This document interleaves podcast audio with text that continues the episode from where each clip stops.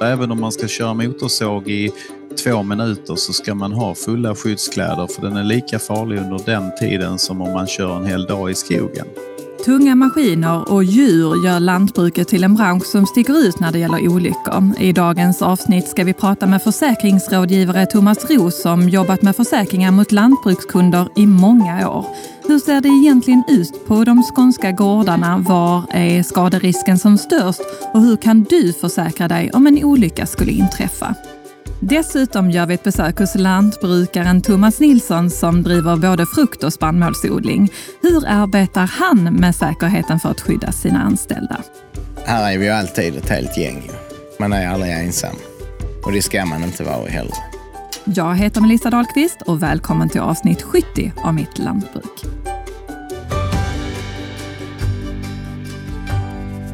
Ja, men då säger jag välkommen till dig, Thomas Roos, eh, försäkringsrådgivare på LF Skåne. Kan du berätta lite mer om dig själv? Vilket område jobbar du i och vilka kunder har du ansvar för?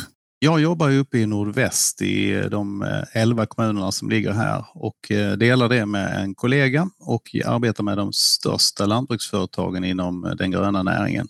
Och du har ju ett eget lantbruk också. Kan du berätta lite kort om det? Man kan säga under hela min yrkeskarriär så har jag jobbat parallellt med försäkringar och drivit växtodlingsgård med anställda hemma. Ja, då har du koll på läget då med andra ord. Eh, och du har ju varit ute mycket hos våra eh, kunder. Vad skulle du säga är de största säkerhetsriskerna för personerna som jobbar där? Ofta är det små saker som kan vara avgörande och framförallt då bristande på rutin och sådana grejer. Kan du ge något exempel på någonting du har sett uh, ute som är en stor säkerhetsrisk? Alltså det är ju då eh, fallskador och uh, alltså laster som man då inte så att säga är skyddad från eller kan eh, undvika att få på sig och så. Det är eh, några av de stora riskerna. Och du har jobbat med de här frågorna i många år. Är det skillnad på äldre och yngre lantbrukare, skulle du säga, när, när det är att tänka säkerhet på gård? Jag skulle inte vilja påstå att det är åldersrelaterat utan det handlar mer om personlighet så att säga. Så att, eh, tyvärr finns det även hos yngre idag ett, eh, ibland eh, att man inte får plats med säkerhetstänket hela vägen så att säga. Så att jag skulle vilja säga att det är en individuell eh, problematik på gårdsnivå. Nu ska vi höra om ett reportage från verkligheten. Jag var ute hos eh, Thomas Nilsson i Vitaby som driver fruktodling och spannmålsproduktion för att höra hur han ser på säkerhet i sina verksamheter. Och när jag var där så var det som mest att göra och plockades äpplen för fullt. Ja, den är intensiv, verkligen. Och de ska ju ner rätt snabbt och iväg och in i kyl, kyl och ulolager. Som vi är med i ett företag som heter Äppelriket medlemsägt företag. Hur mycket har ni kvar att plocka här? Ja, vi har inte plockat hälften ännu. 20 oktober ungefär så räknar vi vara färdiga. Hur många anställda finns det i de här företagen? Eh, själv har jag ju eh, två anställda. Men sen tar vi ju hjälp av mina döttrars företag och där är ju nio anställda i, ute i odlingen. Och sen har vi ett pensionärslag som de är fem, sex stycken. Ja. Hur jobbar ni med säkerheten eh, i verksamheten? Ja, den är vi ju noggranna med och sen kan man ju säga att alla som är här har ju erfarenhet och vi har ju aldrig drabbats av några olyckor, det har vi inte gjort. Men vi är noggranna med skydd och eh, godkända stegar om man ska koppla, plocka toppar och vill ju absolut inte ha några olyckor. Och att allt ska gå lugnt och sansat till. Och det gäller ju även i vårt jordbruk. Man ska tänka sig för. Jag hade en inspektion av Arbetsmiljöverket och det var en kille han sa du ska alltid tänka en sak innan du gör någonting och det är risk. Och det kan man ha inbyggt i, Ja, allt är risk liksom. Skördesäsongen i både spannmål och äpplen är ju intensiva. Eh, är det något speciellt ni tänker på där när det gäller säkerheten? Ja, vi tänker ju att, att alla grejer vi använder ska vara godkända, att det ska, ska vara skyddsutrustning på kraftöverföringsaxlar och sånt där. Det är vi ju väldigt noga med. Och att att vi har bra maskiner och bra grejer. Och att inte vi har barn ute i verksamheten till exempel. Att det är så svårt att kontrollera stora maskiner och sånt där. Så det är vi rätt hårda med. Vad tror du är de största säkerhetsriskerna i din verksamhet? Uh, jag vet faktiskt inte. Jag har hållit på i 40 år så, och det har gått bra. Så det har inte varit några risker tycker jag. Eh, du har ju en del eh, utländska anställda. Hur gör du för att säkerställa att de också har tillgång till rätt säkerhetstänk? Nu är det ju eh, så att för, eh, förmannen där nere på eh, den andra gården, han är från Polen ju. Så det är han som sköter eh, pratet med dem. Och sen är det ju så att de som är yngre och som är från Polen och Litauen, som är anställda där, de kan ju engelska lite grann, många av dem i alla fall. Så på så sätt fungerar det där ju. Och där, när de transporterar sig inne i odlingen och så, så har de säkra vagnar och åker i och sånt där. Så att det händer någonting. Eh, om du bara beskriver det som vi ser framför oss nu. Nu plockar man ju äpple. Hur, hur går det till? Man plockar ju, eh, som du ser här, med en plattform. Här plockar vi toppar, annars plockar man ju med, med vagnar. Och så har vi en plockmaskin som också går här ute. Så vi kan gå vidare. Kan du berätta lite kort om den här maskinen? Det är så bra med den här för den plockar man ju hela, hela trädet rent. Och eh, också inte... Alltså den är ju ingen olycksrisk i den här. Den går, den går långsamt fram i, i gången här? Ställer man ju själv hastigheten och så styr den ju där i, mitt i raden. Hur, hur skiljer du, du har ju hållit på med det, detta i några år. Hur är, mm, hur är utrustningen idag om man säger mot förr i tiden? Ja, då var det ju träd som man eh, plockade med stegor och man fick klättra i eller ha stegar i träden. Nu är detta spaljéodlingar så, och eh, det är mycket enklare. Ju. Plus att man har ju en högre avkastning i sådana här odlingar. Berätta om den här stegen. Där har man en eh, plock. Det kallas plockmage. Så klättrar man upp och så plockar man i den. Och sen flyttar man sig fram hela tiden. Och, eh, det är rätt tufft jobb faktiskt. När använder man stegar och när använder man maskiner då? Alltså i och med att vi kör med plocktågen så vill vi ju plocka rent topparna också. Då har vi stegen med oss bak efter. Och hur är detta en mm, eh, vad heter det, säker steg eller vad kan man, kan man säga någonting om stegen? Den stegen är ju, alltså den är ju godkänd för fruktodling. Alltså, ja. Det är lite Stabil, bredare, lite bredare ja, och bredare steg här ja, upp. Ja. Har ni några regler eh, kring hur eh, man får arbeta ensam här? Alltså är det ju något jobb som vi bedömer att det är risk med, då är vi alltid två personer. Och när man är här ute och plockar i, i gångarna? Här är vi ju alltid ett helt gäng. Man är aldrig ensam. Och det ska man inte vara heller. Ja, Thomas säger här i reportaget att det eh, inte är några barn i hans verksamhet och för många familjer så är det ju en förutsättning att eh, ha med barnen, låta dem sitta i traktorn eller vara med i stallet för att livet som lantbrukare och förälder ska gå ihop. Vad säger du om det? När det gäller att ha barn med sig i lantbruket så måste man vara väldigt restriktiv och om det är nödvändigt så ska man ju så att säga ha väldigt, väldigt strikta regler för att eh, missförstånd kan bli fruktansvärt och det, det är ju liksom, eh, ja, blir, blir inte eh, ett roligt liv om någonting allvarligt händer. Så att väldigt strikta regler måste man ha. Och det är också viktigt med kommunikationen mot barnen också, att berätta om reglerna som gäller på gården, eller vad skulle du säga? Absolut, eh, det, det, är oerhört viktigt eh, för att det, det, det, tar liksom bara några sekunder så är barnet på fel ställe och eh, man, man kan orsaka stort lidande och allvarliga skador så att säga. Thomas pratar här i reportaget om godkända stegar för fruktodling. Hur komplicerat är det egentligen med en stege? Har du några tips när det gäller det? Det viktiga är ju egentligen att kolla upp märkningar på stegen så att de är typgodkända och har eh, kända tillverkare så att säga. Eh, så att stegar som inte har detta ska man ju då undvika eller inte köpa, inte använda. Och hur kan man säkerställa ställa det? Liksom, vad behöver man för kunskap för att, att använda rätt stegar?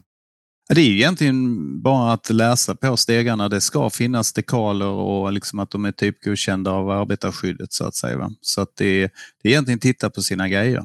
I reportaget så pratar ju Thomas om att alltid jobba två och två och alltid ha ett risktänk i allt man gör och absolut inte stressa igenom saker och ting. Har du några fler snabba tips för att minska risken för olyckor? Ja, om man har möjlighet så kanske att samma personer gör samma jobb, att man har bra ljus i, eh, när man gör saker och ting. Så att det är egentligen eh, små saker men, men äh, återigen rutin och, och kanske bra förutsättningar gör att man undviker väldigt mycket risker. I reportaget hörde vi också att, eh, att Thomas hade utländsk eh, arbetskraft, men han hade också en förman som kunde polska. Men om man inte har det, är det något speciellt man kan tänka på när man har eh, personal från, från andra länder som jobbar för att de också ska ha koll på säkerhetsreglerna? Ja, man får ju ha alltså typ eh, regler och, och, dokument på eh, engelska eller det språk som eh, så att säga pratas på arbetsplatserna. Men det är ju ofta väldigt mycket engelska idag på många större lantbruks och växthusföretag. Det finns ju försäkringar för saker och byggnader, traktorer, maskinhallen och så vidare. Men om man tänker på de försäkringarna eh, som finns för att skydda eh, sig själv, Eh, vad skulle du säga, vilka försäkringar bör man ha som lantbrukare när det gäller, gäller individen och, och olyckorna man kan råka ut för som person? Framförallt eh, om vi talar en familjejordbruk så är det väldigt viktigt att man liksom har kanske hela familjen på plats när man går igenom de här grejerna och inte bara pratar med en person. Eh, olycksfall är alltid oerhört viktigt och sen kan man bygga på med sjukvård, livförsäkringar, allt detta är ju efter behov kan man säga. Va? Så att det, det är en analys efter den ekonomiska situation som var och en har. Men, men man ska ju absolut inte missa denna biten. Om man har anställda, ska man tänka på, på något annat sätt då? Nej, egentligen inte, utan det är ju att man har liksom ett bra skydd eh, för de anställda när de åker till jobbet och under arbetet och, och hem från jobbet så att säga, så att man liksom eh, lever upp till de krav som finns. Många lantbrukare eh, har ju många olika uppgifter på gården för att få den att gå runt. Är det något man skulle kunna göra för ifall man är väldigt beroende av att en person finns på plats för att verksamheten ska kunna fortsätta? Eh, är det någonting man kan förbereda sig ifall det skulle hända någonting med den personen som eh, har de här största ansvarsbitarna på gården? Ja, alltså det, det, är ganska ovanligt, men jag har ju fall där man liksom har väldigt tydliga nedskrivna planer vad som skulle hända om så att säga den driftsledaren som är ägare till jordbruket kanske då skulle bli allvarligt sjuk eller eh, till och med avlida. Så finns det alltså gårdar där man har i princip nedskrivna lösningar på hur man ska gå vidare och vem som ska ta över och vem som ska liksom eh, styra och hela biten. Och det, det är absolut något att tänka igenom, inte som ett testamente men som en eh, Eh, guide för att de som är kvar. Och ifall man inte har det på sin eh, gård, och hur, var börjar man någonstans för att kunna få de rutinerna? Ja, har man inte det så får man ju ta lite hjälp av, av grannar och goda vänner och, och rådgivare så att säga. Det, det är det enda sättet som finns för som sagt det är ganska ovanligt med sådana dokument men eh, ofta kommer det ju lösningar så att säga. Alltså det måste ju fram, djuren måste skötas, växterna måste tas hand om och, och liksom, det, det är ju tvunget men det, det, skulle kunna vara en fördel om man hade några stolpar ner, nedskrivna eller att man, eh, det finns också lantbrukare som är är, jobbar i team där man liksom, eh, ja, man kommer till att täcka upp för varandra om det händer den ena eller den andra något. Det är också jättebra lösningar. Hur kan man som lantbrukare arbeta förebyggande för ett säkrare lantbruk? Kan man gå någon slags utbildning eller, eller så för att eh, få in det här säkerhetstänket? Det finns ju, eh, bakåt i tiderna har vi ju haft Säker gård och det finns ju olika linutbildningar och sådant men eh, återigen om man nu ska tänka ekonomiskt så är det ju alltså eh, rutin, noggrannhet och ordning och reda, det kommer hela tiden igen så att säga. Va? Så att det, det finns uttryck som säger att eh, alltså, nu har vi så bråttom så vi kan inte snabba på för mycket. Alltså man kan säga att ibland så är det bättre att kanske ta ett steg tillbaka och, och liksom tänka efter. Kan man göra på något sätt när det gäller kommunikationen också? Jag tänker om det finns flera, eh, flera personer runt en maskin i förebyggande syfte eh, på något sätt? Absolut. Eh, om, om man tänker sig jättestora maskiner idag så är det ju är det liksom känsliga läge då kan man ju vara uppkopplad så man har varandra i telefonen till exempel om, så att man har stenkoll på var man är och vad man gör så att säga. Och detta är ju oerhört viktigt och vi har ju sett tragiska olyckor med detta genom åren med stora maskiner där man inte kan se om det finns människor runt omkring. Så att säga. Men det finns ju teknik idag. Det, är ju, det finns både kameror och det finns kommunikationsutrustning som gör att vill man så går det. Ibland är det ju så att man eh, kanske på vinterhalvåret har, eh, har andra typer av uppdrag som att skotta snö eller, eller så. Är det något speciellt man ska tänka på när det gäller försäkringen då ifall man eh, har arbetsuppgifter som inte är inom den ordinarie verksamheten? Absolut, så ska man ha en kommunikation med då sin eh, kontaktperson på försäkringsbolaget och se till så att man eh, ligger inom de nivåer som man eh, ja, har försäkrat och, och går man över dem så är det ju ingenting som är omöjligt att skydda av men alltid en kommunikation om man gör eh, nya saker eller ökar sin volym och så. Det är alltid en bra lösning att ha det. Och eh, nu pratar jag om snöskottning. Finns det någon annan typ av, eh, av arbete som lantbrukare eh, gör som, som, som man behöver informera försäkringsbolaget om? Absolut, man kan säga all form av förändring av verksamheten eller nya sysslor eller nya företagsidéer så är det alltid bra att ha en dialog för att man ska aldrig ha en övertro på att det ingår automatiskt så att säga. Så det gäller inom all företagsverksamhet. Om man pratar om det som absolut inte får hända, att någon dör i en olycka på gården. Eh, branschen, eh, lantbruksbranschen är ju väldigt utsatt när det gäller dödsolyckor. Bara byggbranschen har fler dödsolyckor per år. De senaste tio åren har ett 60-tal personer mist livet i jobbet på de svenska gårdarna enligt statistik från Arbetsmiljöverket. Förra året miste sex personer livet i lantbruket i Sverige och hittills i år har vi sett minst två dödsolyckor bara här i Skåne. Inte allt för sällan så händer ju de här dödsolyckorna vid stora maskiner eller när man hanterar någon typ av last. Eh, Thomas, finns det något du ser som, som man kan göra för att minska risken eh, för den här typen av eh, hemska olyckor? Alltså man kan säga att tillbuden är ju våldsamt mycket större än då de eh, faktiska fallen, vilket är väldigt, väldigt skönt. Ju. Men det innebär också att vi har eh, finns många gånger det skulle kunna gått illa ytterligare. Så att aldrig chansa, alltid liksom använda de skyddsgrejer som finns. Alltså även om man ska köra motorsåg i två minuter så ska man ha fulla skyddskläder för den är lika farlig under den tiden som om man kör en hel dag i skogen. så att säga. Och, eh, och det gäller liksom hela vägen här med laster, alltså aldrig gå under säckar och grejer utan att man kan ha en, en kniv på en pinne eller något sånt när man ska öppna en gödselsäck till exempel. Va? Så att det finns massor med enkla lösningar men som sagt eh, lite grann att tänka efter och inte chansa. Om det ändå sker en olycka på gården, nu tänker jag personskada och inte dödsfall, då finns det något man kan göra för att förbereda sig? Ja, det, det är ju åter, återigen det här med att man har lite planering och har ändå någon form av, av så att säga, kontaktnät runt om sig och, och kunna ha lite hjälp och stöd så att säga. Så att eh, det, det, det är absolut en fördel. Avslutningsvis så vill jag fråga dig, eh, skulle du kunna sammanfatta dina tre bästa tips eh, till lantbrukare om hur man kan göra sin gård säkrare? Ja, då eh, skulle jag vilja börja alltså följa lagar och regler. Det låter ju enkelt eh, och man kan säga att de som är anställda så är det ju väldigt, väldigt viktigt, men det är ännu eller minst lika viktigt när man är själv ju, så att säga. Eh, två, ordning och reda. Och det, det, handlar om att hitta saker snabbt och att inte liksom behöva leta eller eh, ja, utsätta sig för eh, tidsproblem så att säga när det gäller att undvika saker. Alltså ordning och reda. Och sen pauser dygnsvila. Att man liksom eh, ser till att inte vara, alltså man, man kan jobba mycket men man måste också liksom återhämta sig och eh, samla kraft så att säga. Va? Så att eh, det, det, kan låta som väldigt banala saker men eh, det har rätt så stor betydelse de här tre punkterna. Sen finns, finns det massor med andra saker också såklart.